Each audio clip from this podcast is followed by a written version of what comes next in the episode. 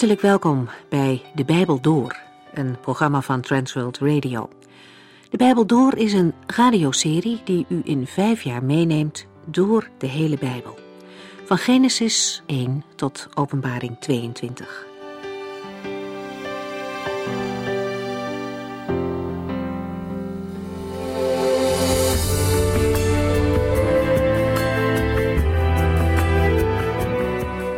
De vorige aflevering maakten we een begin met het tweede boek Kronieken. Salomo is dan net koning en staat voor de grote opdracht om de tempel te bouwen. Zijn vader David heeft er wel veel met hem over gesproken, maar nu moet hij aan het werk.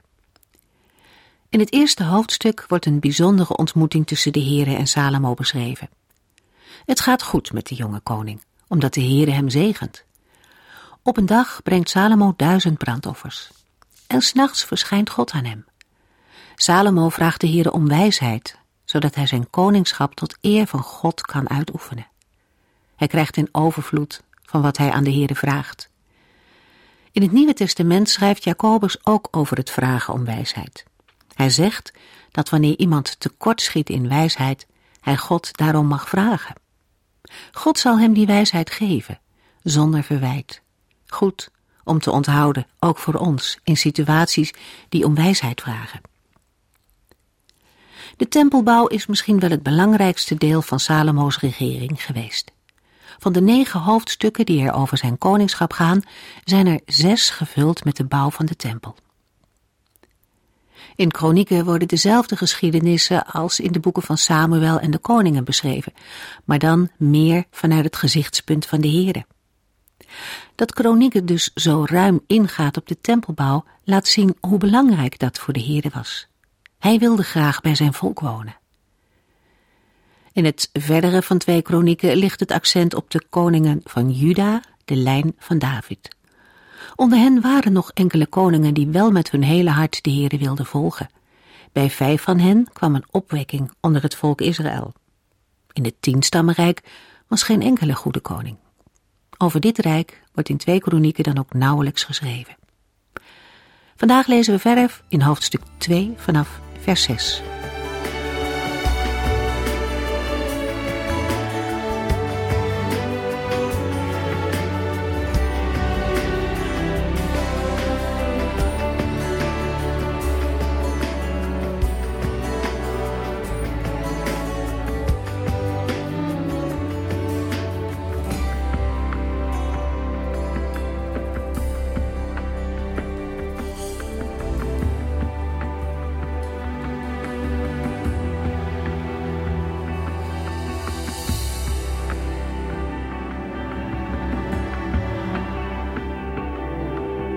In de vorige uitzending hebben we gelezen over de macht en rijkdom van Salomo. Ook lazen we dat de Heer aan hem is verschenen. Salomo vraagt aan de Heer om wijsheid en inzicht. Daarna lazen we in 2 Kronieken 2 dat Salomo besloot om de tempel voor de Heer en een paleis voor zichzelf te bouwen.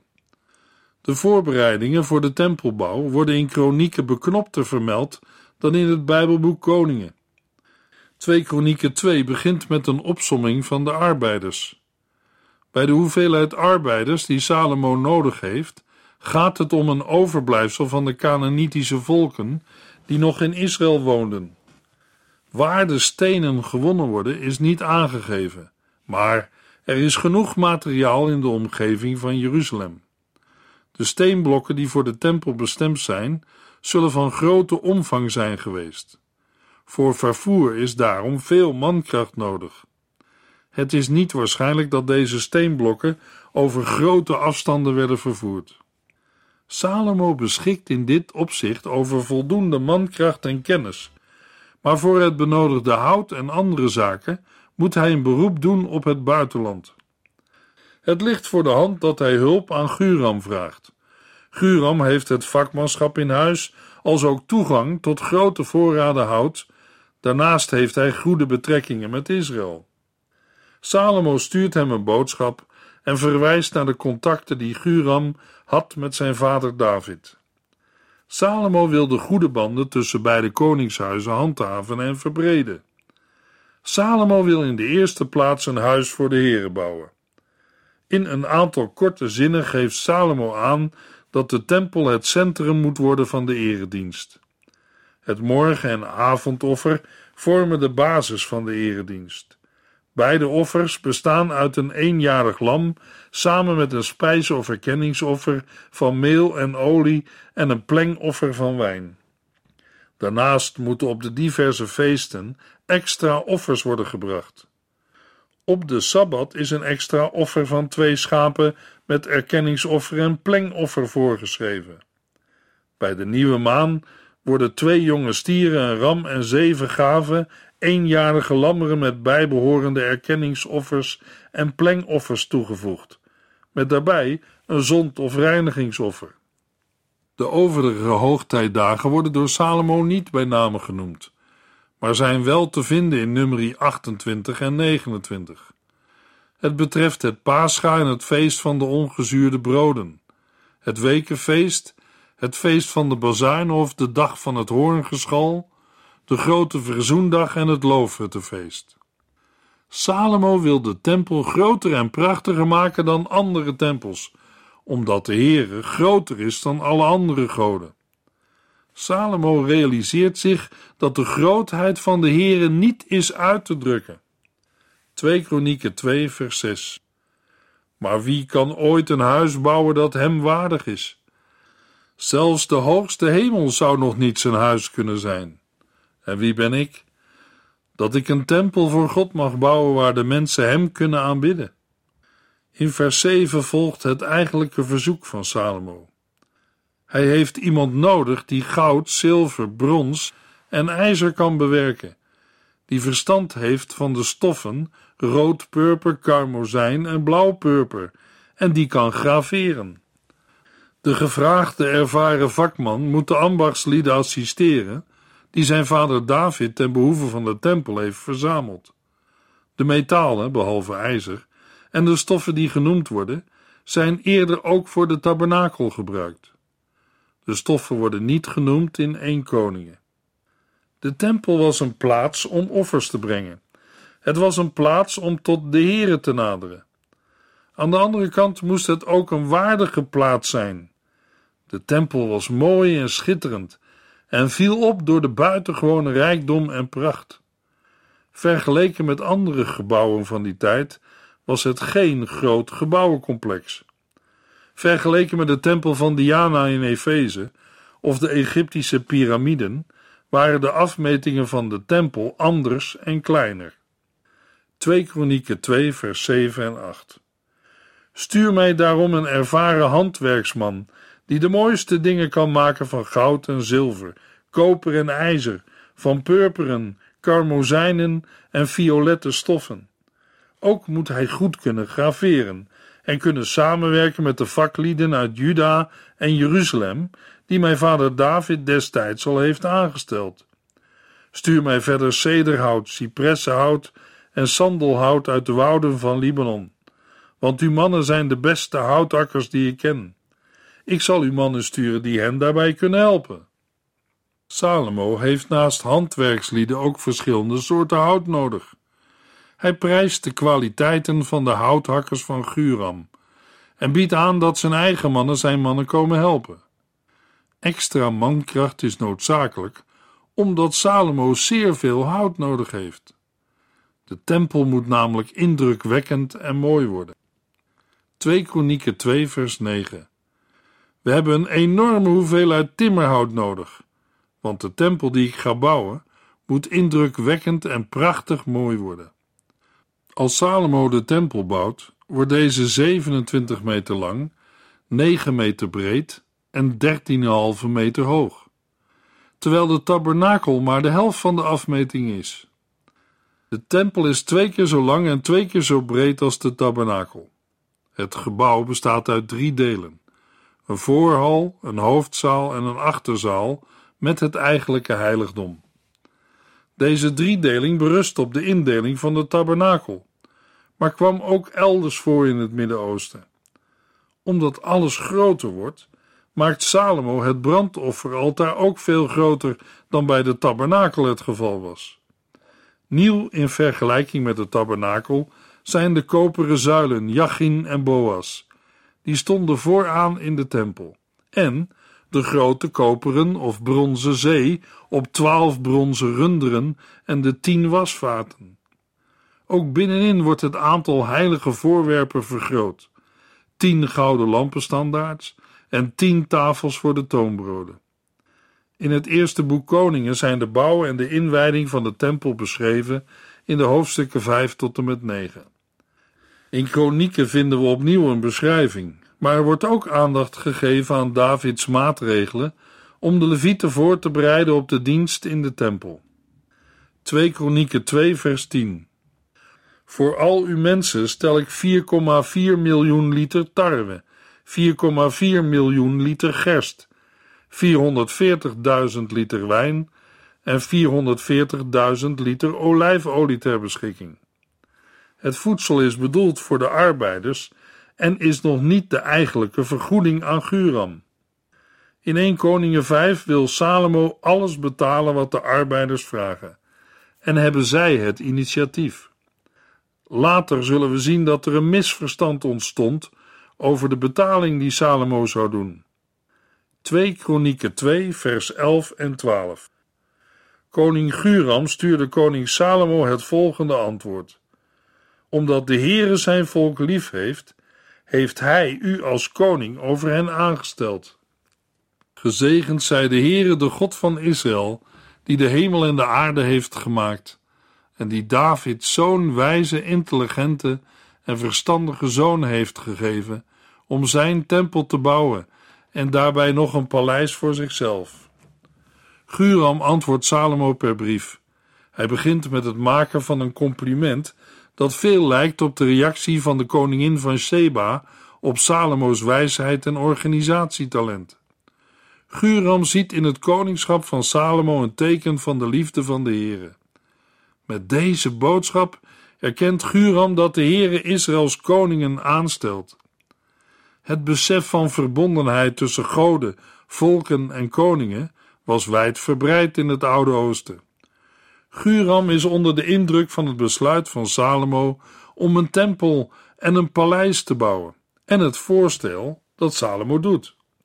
Hij vindt het voornemen van veel wijsheid getuigen.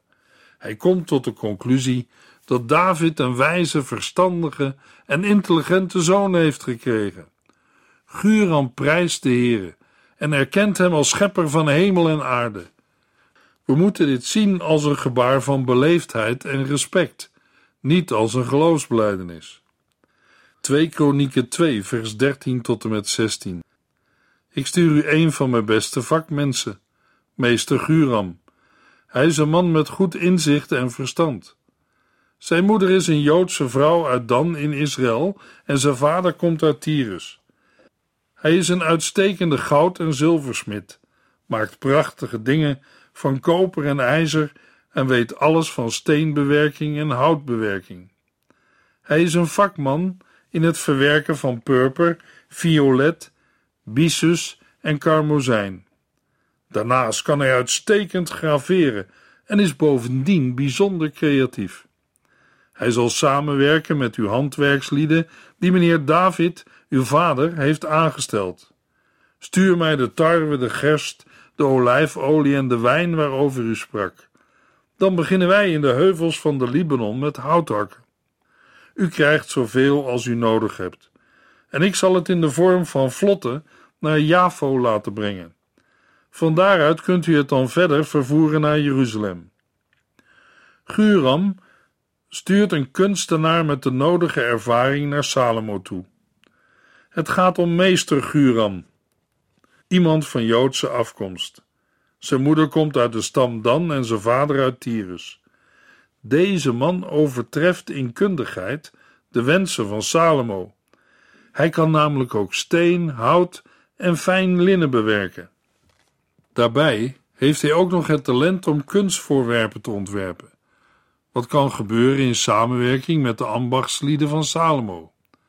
Waarschijnlijk is hij ook degene die de brief met het antwoord van koning Guram overbrengt. Als wederdienst verwacht Guram de toegezegde waren voor zijn knechten. Na ontvangst van de waren zullen de knechten van Guram beginnen met houthakken in de heuvels van de Libanon. De bomen zullen tot vlotten worden samengebonden en via zee worden vervoerd tot de kustplaats Javo. Van daaruit dient Salomo zelf voor vervoer zorg te dragen. Dat betekent wel een logistiek probleem. De afstand van Javo naar Jeruzalem is een weg van 87 kilometer bergopwaarts. 2 Kronieken 2 vers 17 en 18 Salomo telde alle buitenlanders in het land, net zoals zijn vader David had gedaan, en kwam op een totaal van 153.600 mensen. Hij gebruikte 70.000 van hen als gewone arbeiders, 80.000 als steenhouwers en 3600 als opzichters. Nadat de brief is beëindigd en het probleem van het vervoer aangesneden is, gaat de schrijver weer in op Salomo's arbeidskrachten. Net zoals David houdt Salomo een telling onder de vreemdelingen in het land. Het blijken er 153.600 te zijn. Een groot gedeelte van hen worden als sjouwers ingezet. Deze sjouwers zullen waarschijnlijk ook voor het transport van de boomstammen uit Javo moeten zorg dragen. 2 Kronieken 3, vers 1. Zo begon dan eindelijk de bouw van de tempel. Hij werd gebouwd op de top van de berg Moria, midden in Jeruzalem. Dat was de plaats waar de Heer aan David was verschenen en waar de dorsvloer van de Jebusiet Ornan had gelegen. Die plaats had David toen al aangewezen als toekomstige vestingsplaats van de tempel. Nadat Salomo alle voorbereidingen voor de tempelbouw heeft getroffen, begint de eigenlijke bouw.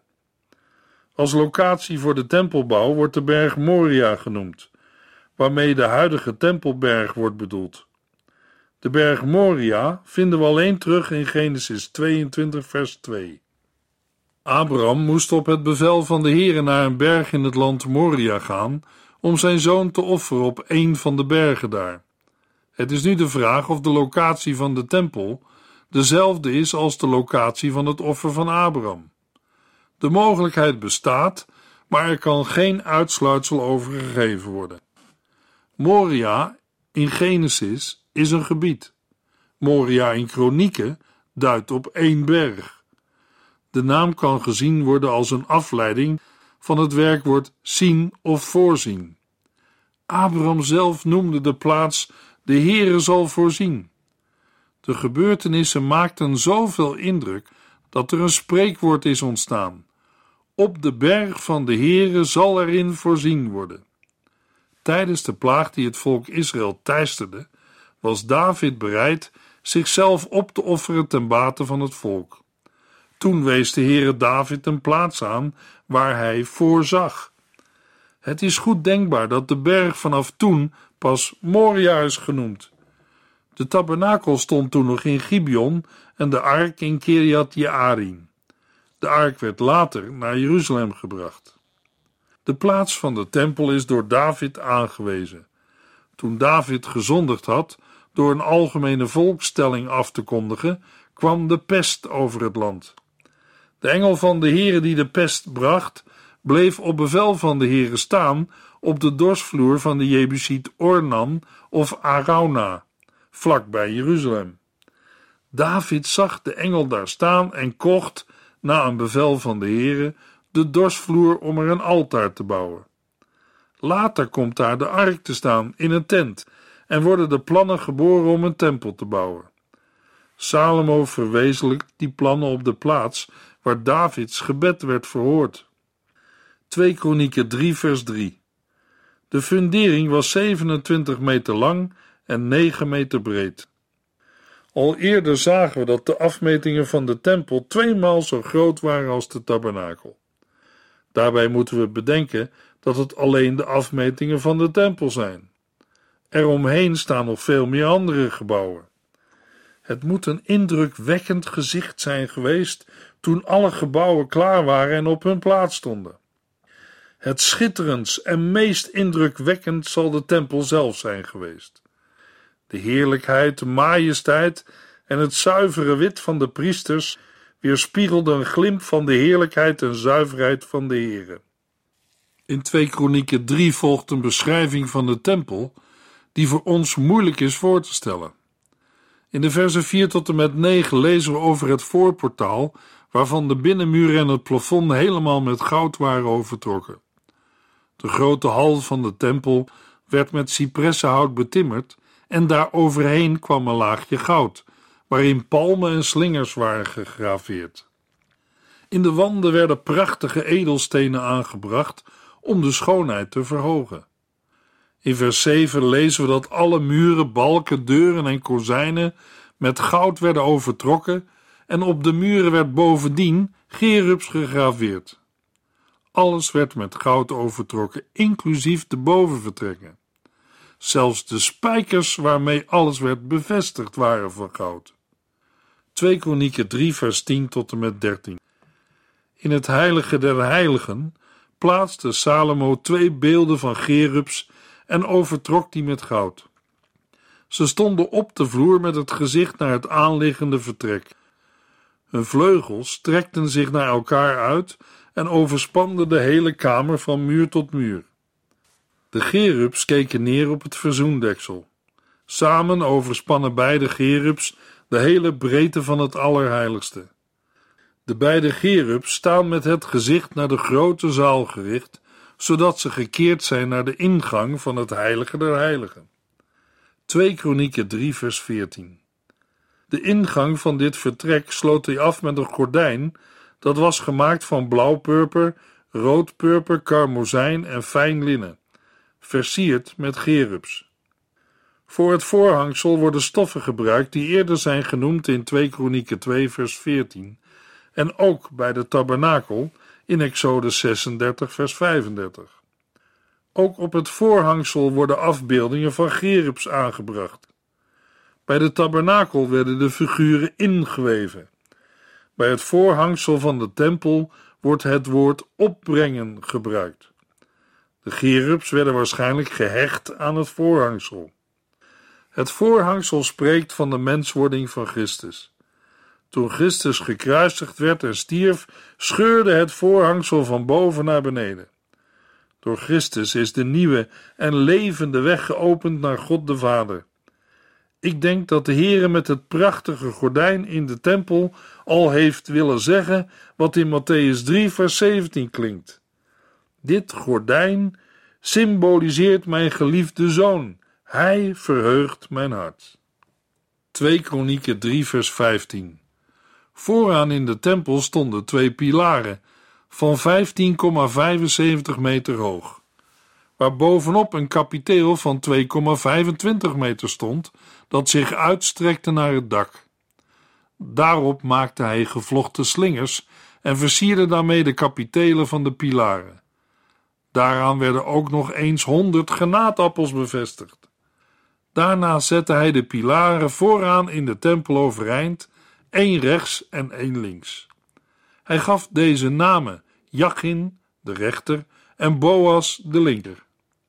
In 2 Kronieken 4 worden allemaal voorwerpen genoemd en beschreven die meester Guram voor de tempel maakte.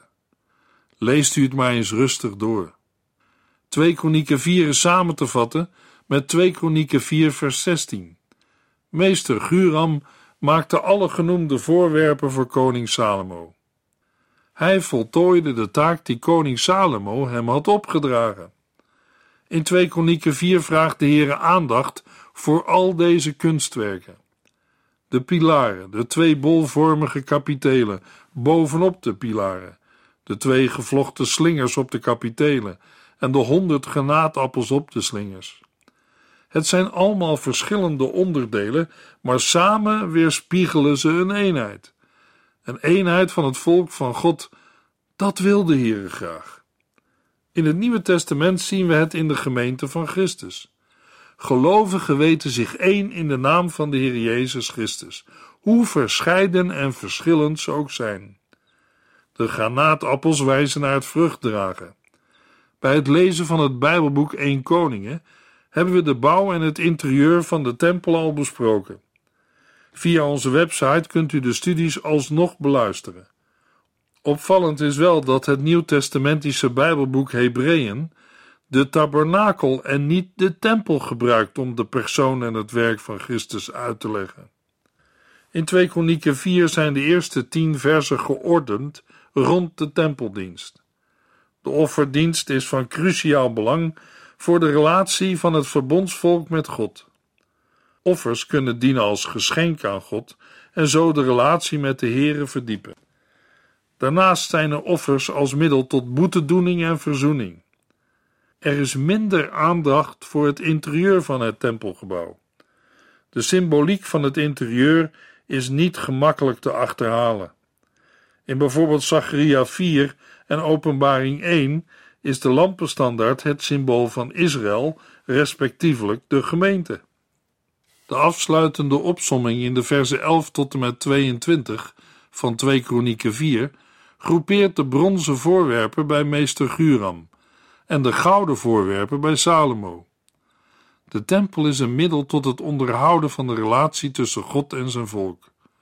Ook Jezus relativeerde de pracht van de tempel. In het nieuwe verbond is er geen tempel meer nodig. En ook in het nieuwe Jeruzalem is geen tempel meer. 2 Kronieken 5 vers 1 en 2 Zo werd de laatste hand aan de tempel gelegd. Daarna gaf Salomo de geschenken die zijn vader, koning David, aan de Heere had gewijd, een plaats in de tempel. Ook de andere voorwerpen en al het zilver en goud werden opgeslagen in de schatkamers van de tempel. Daarna riep Salomo alle leiders van Israël, stamhoofden en familiehoofden naar Jeruzalem voor de plechtigheid van het overbrengen van de ark van het verbond vanuit de stad van David, die ook wel Sion werd genoemd, naar de tempel. De ark, het heiligste van alle voorwerpen van de tabernakel, van waaruit de Heere met Mozes sprak, en het symbool van de aanwezigheid van de Heere, wordt verplaatst. Dat is een bijzondere aangelegenheid en ligt in het verlengde van Davids overbrenging van de ark naar Jeruzalem. Eerbied en voorzichtigheid moeten in acht worden genomen. Maar daarover lezen we meer in de volgende uitzending. We lezen dan 2 Kronieken 5 en 6.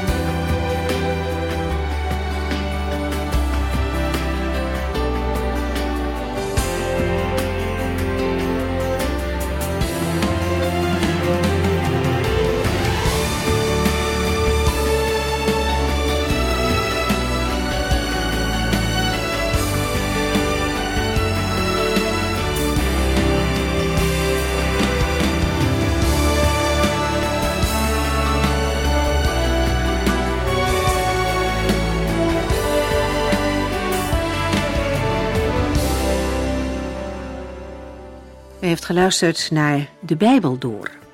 In het Nederlands vertaald en bewerkt door Transworld Radio. Een programma waarin we in vijf jaar tijd de hele Bijbel doorgaan. Als u wilt reageren op deze uitzending of u heeft vragen, dan kunt u contact met ons opnemen. Tijdens kantooruren kunt u bellen op 0342 47 8432. 0342 47 8432. 32. Ook kunt u een e-mail sturen naar de Bijbel door transworldradio.nl en natuurlijk kunt u ook via de post ons bereiken. TWR, postbus 371, postcode 3770, AJ in Barneveld. Dit programma werd gepresenteerd door Cor Weda en Ike André. Techniek was in handen van Odin van Woerdekom. En wij allemaal bedanken u voor het luisteren. Graag tot de volgende keer.